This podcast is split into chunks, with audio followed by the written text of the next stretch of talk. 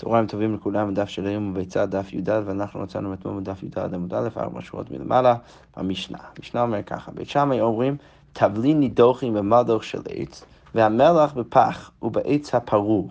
בבית הלל אומרים, תבלין נידוחים כדרכם במדוך של אבן, והמלח במדוך של עץ.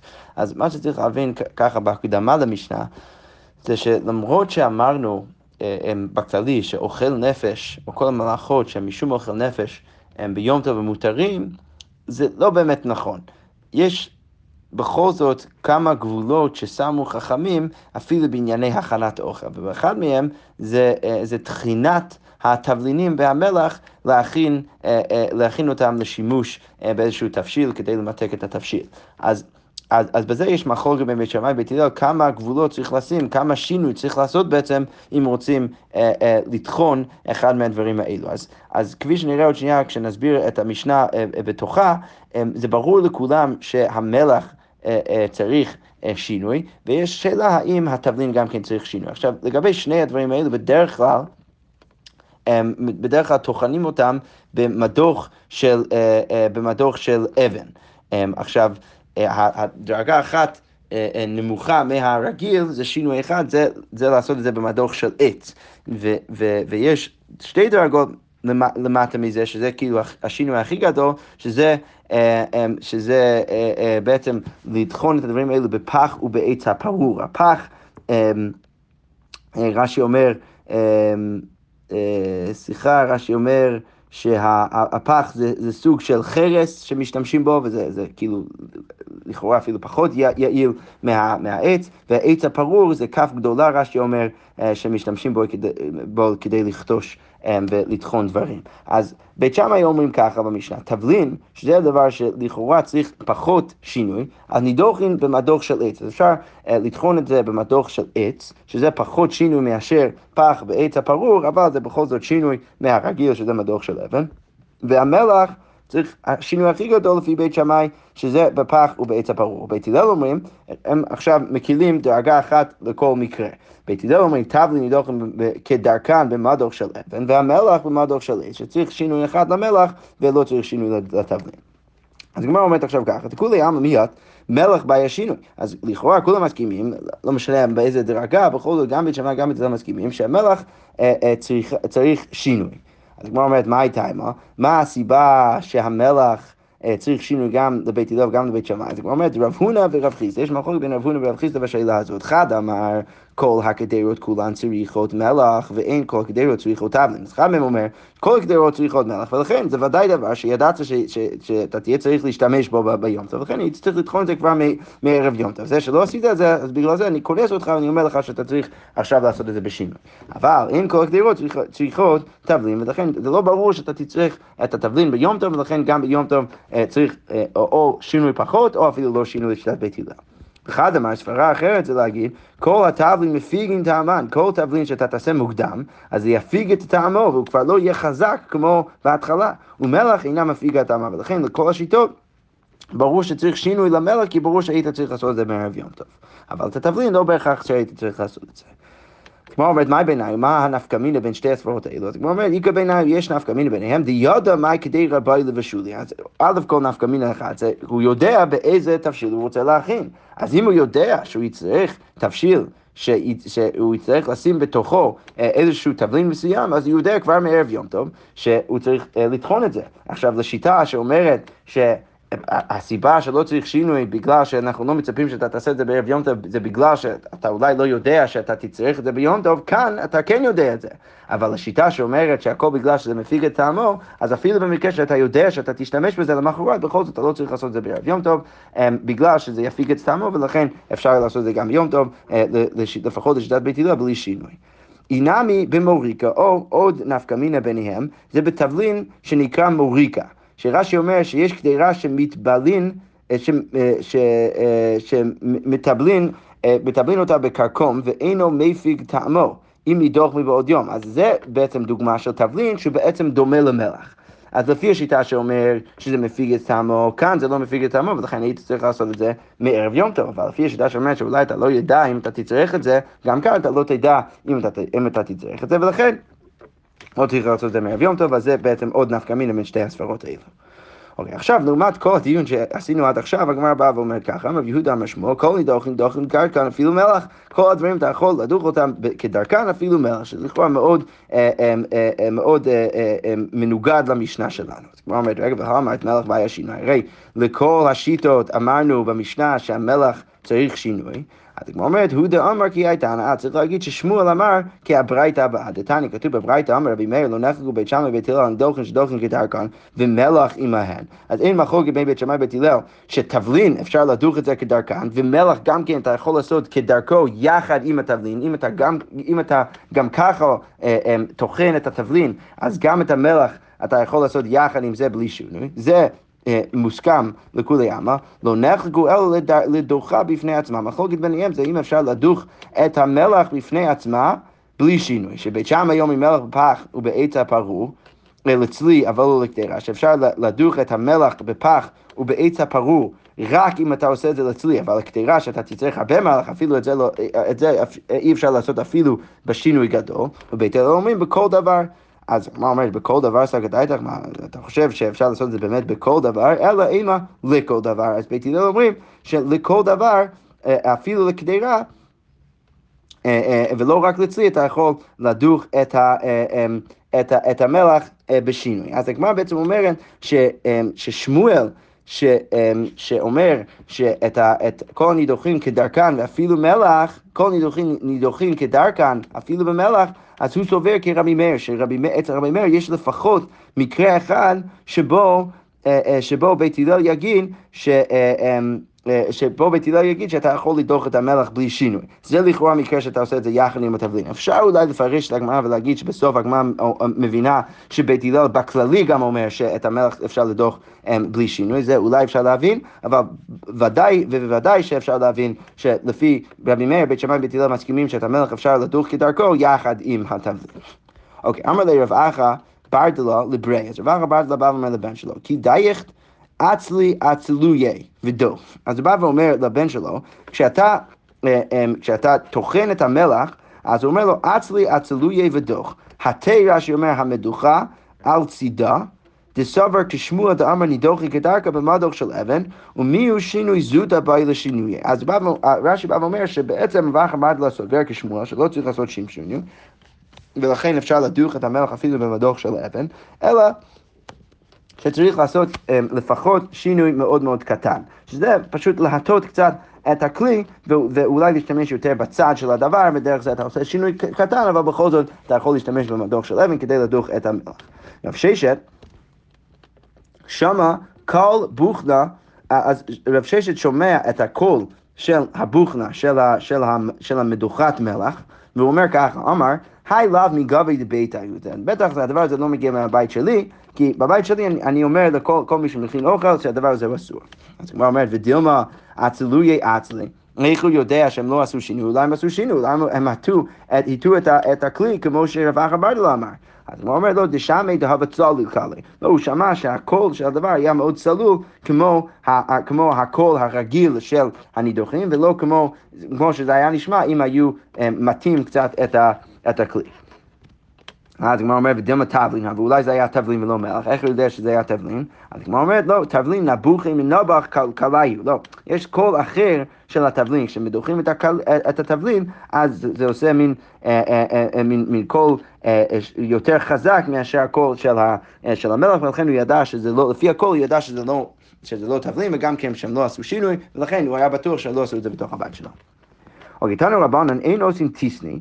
אז דין אחד בברייתא כאן זה אי אפשר להכין את הטיסני. טיסני זה דבר ש, שיש בו תואר גדול כדי להכין אותו, זה מין, אה, אה, מין תפשיר שמכינים עם אה, גרעינים של חיטין, אבל צריך לחלק את כל גרעין וגרעין לארבע חלקים. אז זה בעצם הרבה הרבה עבודה כדי להכין דבר כזה. אז הברייתא אומרת שאי אפשר להכין את זה ביום טוב, וגם כן אין קודשים במתכת. אז כמו אומרת, תרתי, למה אתה צריך את שתי הדינים האלה? לכאורה, ברגע שאתה יודע שאין עושים טיסני, אז, אז ודאי שאני יודע שאין קודשים במכתשת. רש"י אומר, תרתי, שני דברים יש כאן, לא זה דומה לזה, לא, לא זה דומה לזה קטני, אין עושים טיסני.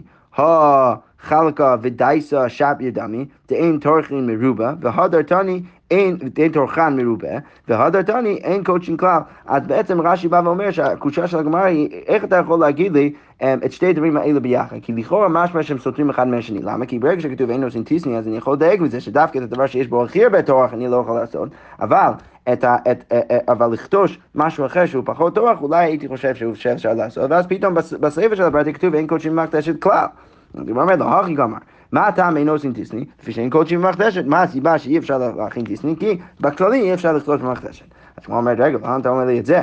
למה אין קודשים במחדשת? פשוט תגיד אין קודשים במחדשת, למה אתה צריך להגיד לי גם כן שאין מכינים טיסני? אם אתה תגיד לי שאין קודשים במחדשת, אני יודע שאי אפשר להכין טיסני. הוא אומר לו, איתני אין קודשים במחדשת, אם היו כותבים רק את זה, אז מה הייתי חושב? הווה אמינא הנימילי במכתשת גדולה, הייתי חושב שזה רק במכתשת גדולה שאי אפשר לעשות את זה, במכתשת קטנה, אם משאר בדמי, הייתי חושב שזה בסדר, כמש ולן שכתוב אין קודשין במכתשת כל עיקר. אה, הגמרא אומרת, רגע, אם זה נכון והתניא, כתוב בברייתא, אין קודשין במכתשת גדולה והקודשין במכתשת קטנה, הרי כתוב במפורש שכן אפשר לכתוב במכתשת קטנה, ככה אתה לא יכול לפרש את הברייתא. אז הוא אומר, לו, אמר אביי, כי תניא נמי מתניתא מכתשת גדולה תניא, לא. בעצם, אתה צודק שכשכתוב בברייתא שאי אפשר לעשות את ה... אה, אה, את אי אפשר לכתוש במכתשת, מדובר דווקא על מכתשת גדולה, אבל מכתשת קטנה זה באמת בסדר גמור.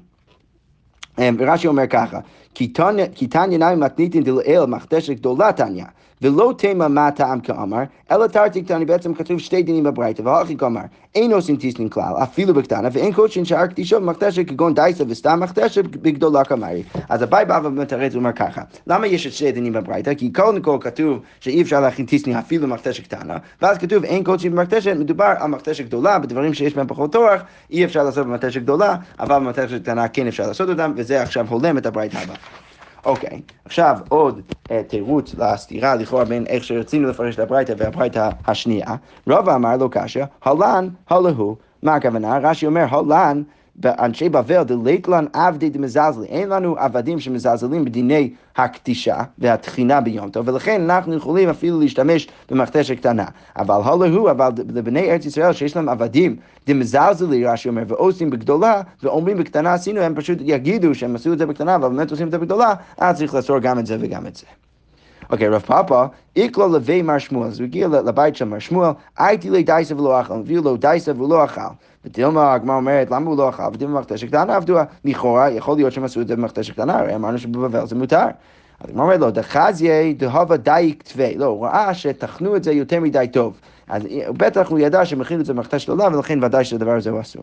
הגמרא אומרת, רגע, ודילמה מאתמול עבדו, אולי הם עשו את זה מאתמול. לא, דחזיה דהבה קוליף צערי, הצבע של הדבר היה, היה נראה שזה בעצם, עשו את זה היום. רש"י אומר, צוהר מרחיתו היה כלוף ולבן. זה היה מאוד מאוד אה, לבן, ולכן הוא ידע שהדבר הזה הכינו היום.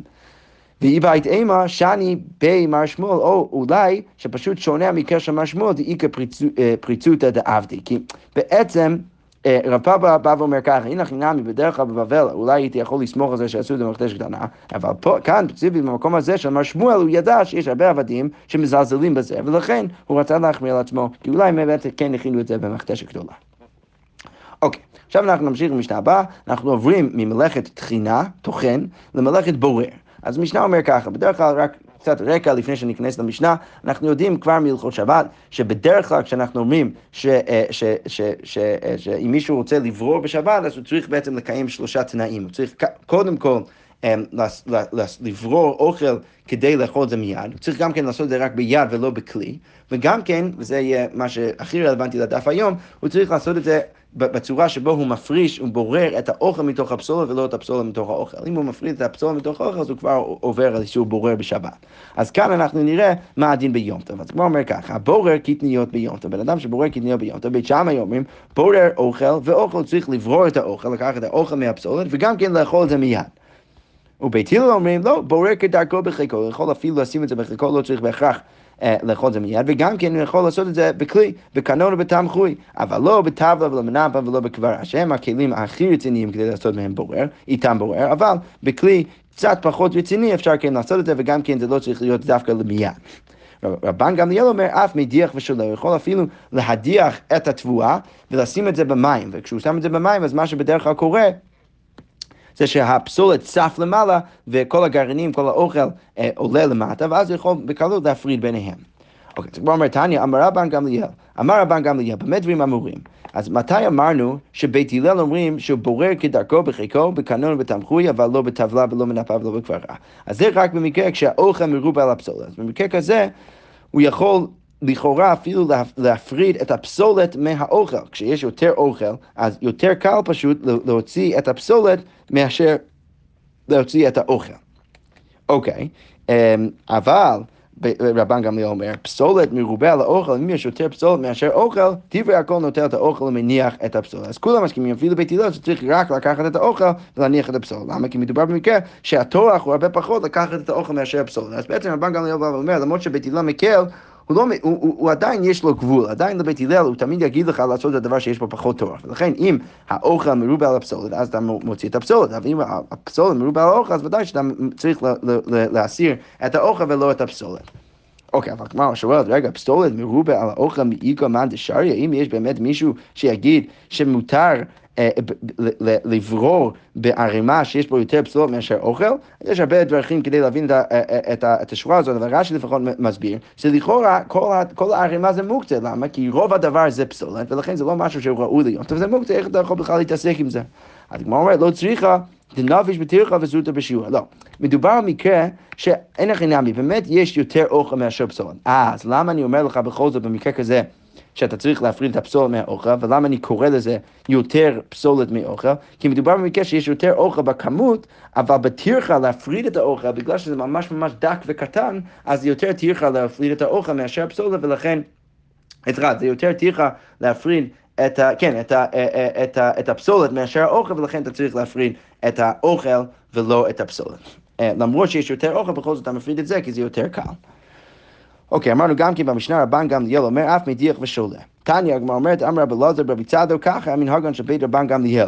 מה היו עושים? שהיו מביאים דלי מלא עדשים ומציפין עליו מים ונמצא אוכל למטה ופסולת למעלה. אז, אז, אז הם, הם היו שמים את העדשים בתוך הכלי, שמים מים בתוך הדבר הזה, וכל הפסולת היה צף למעלה וה, והאוכל היה למטה, והם היו דרך זה מפרידים בין הפסולת והאוכל. אז כמו אומר ועתני אימך, הרי כתוב הם, בברייתא אחרת שלכאורה האוכל היה למעלה והפסולת למטה, אז הוא אומר לא קשיא הבאפרא הבגילי, אז הברייתא שמדברת על המקרה של, של הפסולת שהיה למטה מהאוכל, מדובר על העפר סביב, סביב העדשים, והברייתא שמדברת על הפסולת שצף למעלה מהאוכל, זה בגילי, רש"י אומר, זה בקש, שזה החלק הכי קל uh, של הפסולת, שזה עולה למעלה, ונמצא שהאוכל הוא בעצם באמצע.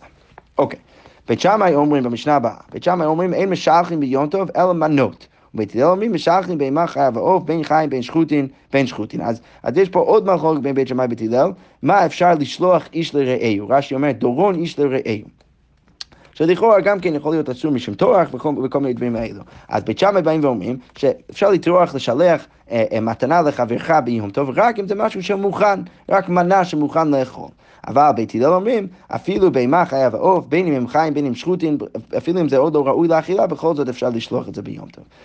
והמשנה אומר, משך עניינות, שמנים, סלטות וקטניות, אבל לא תבואה. את התבואה אי אפשר לשל... לשלוח. רש"י אומר שאין ראויה היום, שאין טוחנים ביום טוב, שהיה לו לטחון מאתמול ולא תפיג טעמה. אז כמו שאמרנו אה, במשנה, בעמוד א', שאת המלח, לפי, לפחות לפי אחד מהספרות, אי אפשר לטחון ביום טוב, בגלל שהיית יכול לעשות את זה אה, מאתמול, כי זה לא מפיג טעמו, אז גם בתבואה לכאורה היינו צריכים להגיד אותו דבר, וככה רש"י מסביר כאן את השורה כאן. את כל הדברים האלו אפשר לשלוח לחברך, ואת התבואה לא, כי ודאי שהתבואה לא יהיה ראוי באותו היום, כי אתה לא יכול לטחון את זה היום, כי היית צריך לעשות את זה מאתמול, ולכן את זה אי אפשר לשלוח לחברך, אבל כל שאר הדברים כן. ורבי שמעון מתיר אפילו בתבואה. אוקיי, אז הגמרא אומרת, תני רבי חיאל, ובלבד שלא יעשינו בשורה. אז אתה כן יכול לשלוח דברים, אבל מה אתה לא יכול לעשות? אתה לא יכול לשלוח מתנות בשורה של אנשים. מה שאומר, לא ישלח הדורון על ידי אנשים הרבה. למה? דאב שמילתא, כי הרי זה, זה, הרבה, זה עושה הרבה קול, ונראים כמוליכים למכור בשוק, וזה נראה כאילו אנשים הולכים לשוק, ולכן באיזושהי אה, אה, אה, קבוצה גדולה של אנשים אי אפשר לעשות את זה. כמו אומר תנא, כתוב בברייתא, אין שורה פחותה משלושה בני אדם. אם זה פחות משלושה בני אדם, אז זה כבר בצדק גמור, זה נחשב כשורה. באי רב אשי, תלותא גבי ותלותא מיני מאי. מה קורה אם זה שלושה אנשים, שאולי זה שורה, אבל בכל זאת כל אחד ואחד מהם מביא מתנה אחרת, אז אולי זה לא כולם ביחד, אלא כל אחד ואחד בפני עצמו. אז מה הדין? הגמרא אומרת, לא, לא ברור עד הסוף מה הדין במקרה כזה. אוקיי, רבי שמעון מתיר בתבואה, אמרנו במשנה תניא, רבי שמעון מתיר בתבואה, כגון חיטין, לעשות מהם לודיות, שאפשר להשתמש בחיטין האלו, אמ, להכין מהם לודיות, שזה רש"י אומר שזה איזשהו מאכל שמכינים מחיטים, ושעורים ליתן לפני בהמתו, ועדשים לעשות מהם רסיסין. אמ, אה, שרסיסין, רש"י אומר, זה מאכל עשוי מן העדשים. אז אז בעצם הברייתא פה מבררת שכשרבי שמעון מתיר בתבואה, אז הוא מתיר רק בדברים בצורה שבו הם יהיו לכאורה יכולים להשתמש בהם באותו היום, אז כנראה שאין מחלוקת אולי מהותית בינו לבין תנא קמא, אלא שפשוט הוא בא ואומר, את הדברים האלו כן אפשר להשתמש אה, הם, באותו יום, ביום טוב, ולכן אפשר לשלוח אותם לחברך. אוקיי, עכשיו אנחנו נמשיך עם המשנה הבאה, המשנה אומרת ככה, משלחים כלים בין תפורין בין שאינם תפורים. כתוב במשנה כלים, הכוונה לבגדים, אז אפשר לשלוח בגדים לבן אדם אחר, בין אם הם תפורים ומוכנים, בין שאינם תפורים. ואף על פי שיש להם כליים, אפילו אם יש להם כליים, אפשר לשלוח לחבר. והן לצורך המועד, אבל רק אם הם לצורך המועד אפשר לשלוח אותם. אבל לא סנדל המסומר, אי אפשר לשלוח סנדל המסומר, אמרנו כבר במסכת שבת שאת זה אי אפשר ללבוש לא בשבת ולא ב- ביום טוב, יש איזשהו סיפור שמספרים על הסנדל הזה שגרם להרבה הרבה סכנה ליהודים, לכן אי אפשר את זה בשבת, ולא מנהל שאינו תפור, וגם כן מנהל שאינו תפור זה לא ראוי לאותו יום, ולכן אי אפשר לשלוח את זה, אסור לשלוח את זה לחברך. רבי יהודה אומר, אף לא מנהל לבן, אפילו מנהל לבן שבדרך כלל לא לובשים מנהלים או נעליים לבנים, אה, ואז אתה תצטרך אומן לבוא ולצבוע את זה, אז, אז גם את זה אי אפשר לשלוח לחברך, מפני שצריך אומן. זה הכלל, המשנה אומר, כל שנאותים בו ביום טוב, כל דבר שאפשר ליהנות ממנו ביום טוב, אז משכין אותו, וכל דבר שלא, לכאורה אין משכין אותו. הגמרא אומר ככה, בשלמה, אני יכול להבין תפורין חלצו למלבוש, אני יכול להבין למה אפשר לשלוח את הדברים האלו, כי אתה יכול ללבוש אותם, לכן אפשר לשלוח את זה לחברך, הוא גם כן יוכל להשתמש בהם ביום טוב. שאין תפורין נמי חזו לכיסויי. אז גם כן משהו שהוא לא תפור, אפשר להשתמש בזה סתם לאיזשהו כיסוי למשהו, או, או לעצמך, או למשהו אחר, ולכן זה ראוי.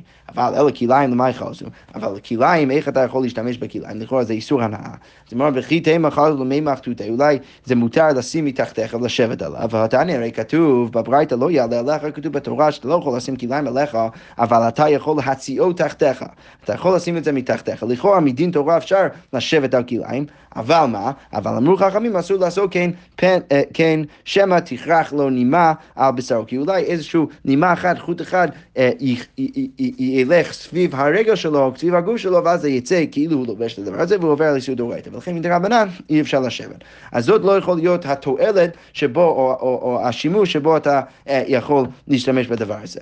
אז הגמרא אומרת, אה, וכי תימא דמפסיק מידי ביני ביני, אולי אתה תחשוב, לא, זה בסדר גמור לשבת על זה, כל עוד ניסה משהו שמפריד ביני לבין הכליים. גם זה אי אפשר, למה? ואמר רבי שמעון בן פזי, אמר רבי שמעון בן לוי, אמר רבי יוסי בן שאול, אמר רבי, משום קהל הקדישא בירושלים, אפילו עשר מצות זו אגב זו אגבי זו וכליים תחתיהם אסור לישן עליהם, אז אפילו אם יש עשר מצות זו אגבי זו והכליים זה, זה בשכבה הכי תחתונה, בכל זאת אי אפשר לשבת ולישון על דבר כזה, ולכן ודאי שגם כאן זה לא יכול להיות השימוש שעליו מדברת המשנה, אז, אז עדיין לא ברור, כתוב כאן בסוגריים, משום שנאמר לא יעלה עליך, אז עדיין לא ברור למה המשנה אומרת שאפשר לשלוח לחברך כלאיים ביום טוב. אז כמו אומרת, אלא בווילון, אה, מדובר בווילון, ש, שאפשר להשתמש בדבר הזה לווילון, כדי לכאורה להביא צל מהשמש.